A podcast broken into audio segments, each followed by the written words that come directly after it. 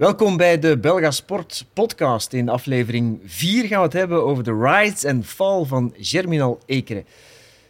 Dirk van Ijversheel is er altijd bij als we een podcast eh, maken over Belga Sport. En uh, de maker van deze aflevering, Tim Wieland. Welkom, Tim. Dag Bart.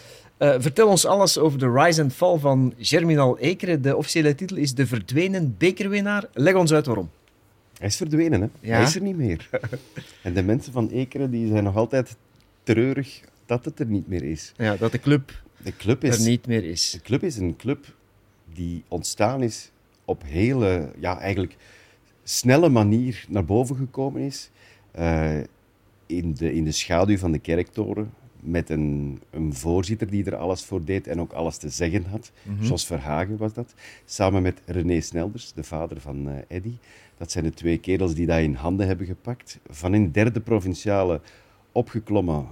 Op een jaar of vijftien zijn ze in eerste klasse beland. Uh, maar daar hebben ze ook maar tien jaar gebleven. Mm -hmm. Want er was geen budget, er was eigenlijk geen volk. Het is Ekeren, het is een dorp.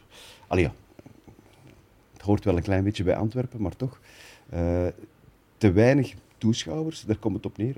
Waardoor je een klein budget hebt om een club te leiden en eens die succes gaat hebben, gaat dat allemaal meer kosten, gaan ja. de spelers meer kosten. Het was heel plezant, maar, maar het heeft maar tien jaar geduurd. Ja. Europees gespeeld, beker gewonnen in 1997, Klopt. zoals gezegd. Dirk, waarom wilde jij het verhaal erbij? Ik wou het eigenlijk niet. nee, alle verdiensten gaat naar Tim. En Tim weet dat, we hebben daar ja. lang over gediscussieerd. Maar Tim was zo volhardend en hij bleef waar bij argumenten afkomen.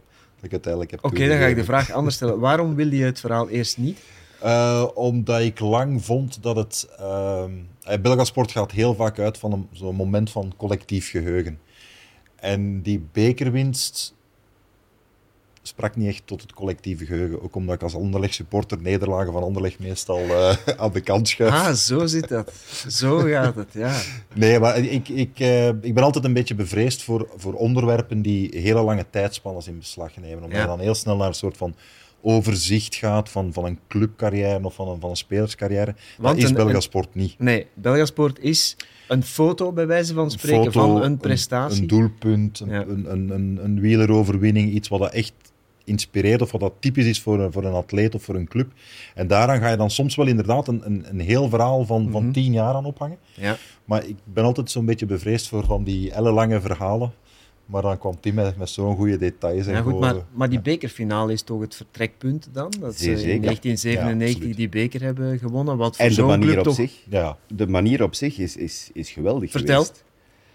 Het, het is een, een, een typisch verhaal van een underdog die wel al twee eerder, eerdere bekerfinales had verloren, Germinal Ekeren, ja. tegen de Goliath, tegen Anderlecht, want dat was de grote club.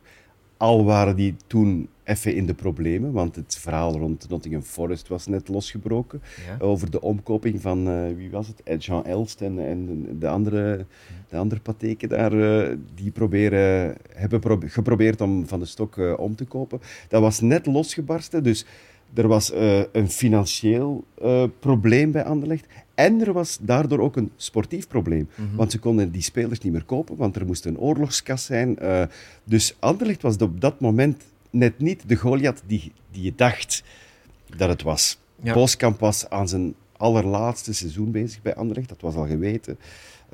dus de gegevens waren het kleine Germinal tegen het grote Anderlecht. Maar de wedstrijd zelf bewees waarom het eigenlijk andersom was. Ja. Een voorsprong voor Anderlecht die nog werd weggegeven. Ja, waarom heb je zo volgehouden? Waarom wilde jij deze per se maken, Tim? Om, ja, ik, ik ben altijd getriggerd door een aantal verhalen ja? die ik tegenkom of die ik lees of die iemand mij vertelt. En bij Germinal waren er heel veel. Echt superveel.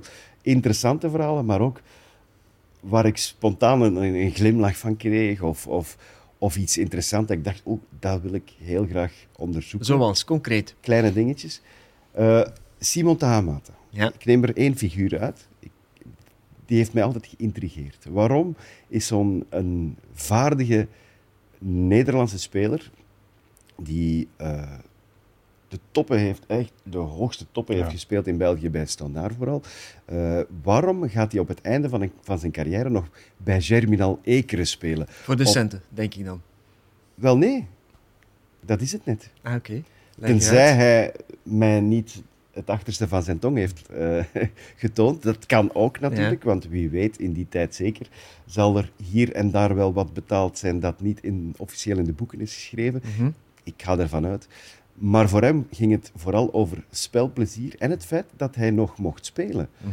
En het feit, want ik heb hem dan ontmoet, uiteraard, om een, om een interview mee te maken. Uh, en de manier waarop hij vertelt over voetbal en over dat hij nog altijd, op zijn 66 nu, nog altijd voetbal speelt. Nog altijd? Hij speelt bij Ajax 6, als ik me niet vergis. Want in Ajax is het verdeeld. Ajax 1 is de grote ploeg, Ajax 2, dat zijn de reserve. Maar dan heb je ook nog Ajax 3, Ajax 4, Ajax 5. En hoe lager je gaat, hoe lager ook het niveau is. Maar dan komen oude glorieën daar ook wel eens spelen. Ja. In een soort amateurcompetitie. En Simon speelt dus nog altijd mee. En hij zit dus constant naar buiten te kijken, naar of er niks gebeurt op het veld. Want hij geeft dan training aan de jonge kerels. En dan gaat hij snel zijn, zijn, zijn kabasje pakken om zelf te gaan voetballen. Ah, want dan kan hij nog een, een helftje meedoen. En de manier, die straalt. Je ziet dat in zijn ogen. Mhm. En dat was eigenlijk ook al bij Germinal. Dat was al zo, want hij heeft gespeeld tot hij 40 jaar was bij Germinal. Fantastisch. Wie heb je nog allemaal gesproken? Uh, Philippe van de Wallen was toen uh, de doelman. Ja, die ook de penalty strapte. Ja, ook. Zeven jaar in doel gestaan bij Germinal Eker. Dan uh, Herman Helleputte was eigenlijk de succescoach. Hij heeft hen een één finale van de beker van België verloren en eentje gewonnen. Dus toch wel redelijk succes behaald. Ja. We hebben qua voetballers nog Mike Verstraten. Iron Mike, omdat hij, die heeft ook acht jaar bij Germinal gezeten. Uh, dan heb je Eddy Snelders, die is de, de zoon van René. Dus enerzijds heeft hij uh, een inkijk gehad in het bestuurlijke, maar hij heeft er ook zelf gespeeld, in twee periodes zelfs. Uh, dus hij kan ook binnen de kleedkamer van alles vertellen. Gunther Hofmans, dat is Mr. Germinal Ekeren. Die is gekomen toen ze nog in derde klasse waren. De schoonzoon ook van? Hij is inderdaad ook getrouwd met de dochter van de voorzitter. Oké. Maar dan was hij al gekocht, dan was hij al voetballer van Germinal. Dan heeft hij zijn vrouw daar leren kennen op Germinal Ekeren. Dan zijn ze getrouwd en dan pas is hij de schoonzoon van de voorzitter geworden. Dus in die volgorde wel. Okay. wel. Uh, en voor de rest zitten er ook nog een aantal zeer markante supporters in. Want het is een verhaal over de club en niet alleen over de spelers. Dus er zitten uh, bijvoorbeeld de man van de toeter. En als ah, je de toeter. Germinal ja. Ekeren zegt, dan zeg je de toeter. Ja, de jongere kijkers gaan dat niet weten, maar dat, het geluid zit er dan, neem ik aan, uh, regelmatig, ook in. Ja, regelmatig. regelmatig. de regisseur heeft het mooi gedropt door een hele aflevering. Hoor je in de achtergrond heel vaak de toeter van Germinal. Ja, um, oké. Ja, fantastische figuren die ook die club hebben zien opkomen en heel snel weer zien verdwijnen. Mm uh, ja, pijnlijke momenten soms, uiteraard. Mhm. Want dat is ook een beetje Belgasport natuurlijk. Ja, het beslaat een hele, een hele periode. Ik neem aan dat je materiaal genoeg had. Het is uh, in totaal tien jaar. Hè. Dus in 1989 zijn ze gepromoveerd naar de eerste klasse. En in 1999 uh, was het afgelopen, want is er de fusie gekomen met uh, Beerschot op dat moment. Die waren failliet, dus die hadden een ploeg nodig om hen te redden, om het zo te zeggen. Uh, Germinal moest weg uit het Veldwijkpark, dus die hadden een stadion nodig. Dus is er een huwelijk van gekomen tussen Germinal en Beerschot. Is Germinal Beerschot Antwerpen geworden. Niet echt een geweldig succes, moet ik zeggen, uiteindelijk. Ja, dat is ook zo. Uh, veel mensen gesproken. Uh, Dirk, heeft me laten vertellen dat um, de finale versie, volgens Tim, was, was 1 uur en 20 minuten, zoiets. Ongeveer. Ongeveer? Ja. En ik heb je ook laten vertellen dat het pittige discussies waren nog om die terug te brengen tot uiteindelijk, hoe lang? Uh, 55, 55 minuten. En, ja. misschien. en van dat uur en 20 minuten, daar komt niks uit. Tim, zei jij. Dat is het pijnlijke aan Belgasport. het zijn zo'n fantastische anekdotes. Ja, maar dat, wil ik, dat wil ik wel zeggen. Allee, hadden ze morgen gezegd van stuur het in voor een, een sportdocumentaire festival, zou ik direct gezegd hebben van prachtig. Allee, er zat niks in.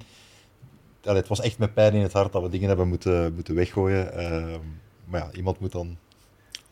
Dat is uw taak, hè? Ja, iemand moet die beslissingen nemen. Ja. Dat ben jij dan, Dirk. Welke fantastische anekdote uh, zit er niet in? Heb je moeten weggooien, maar kan je nu vertellen?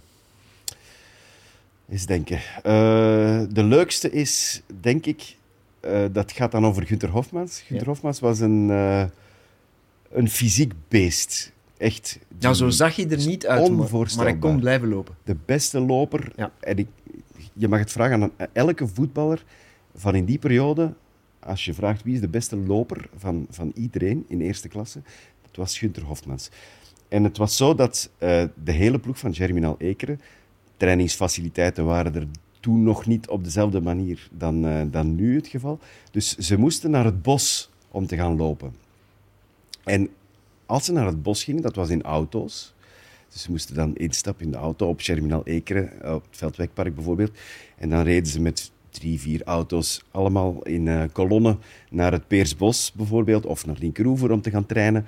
Uh, Peersbos bijvoorbeeld hadden ze een vast pad dat ze moesten volgen. En ze moesten dat, denk drie keer afleggen.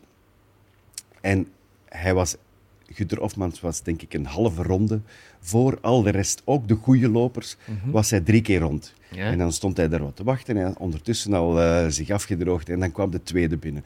Uh, nu, ze, bij Germinal, het waren wel wat speelvogels. Dus ze waren dat toch ook op een gegeven moment een beetje beu. Dat, uh, dat Hofmans zo'n voorsprong had. Dus wat deze, ze reden naar het bos. En Gunther Hofmans was ietsje te laat aan het stadion. En zei, kom mannen, we rijden al door. En ze reden met hun auto's naar het Peersbos. En ze begonnen al aan hun loop, maar echt doorlopen.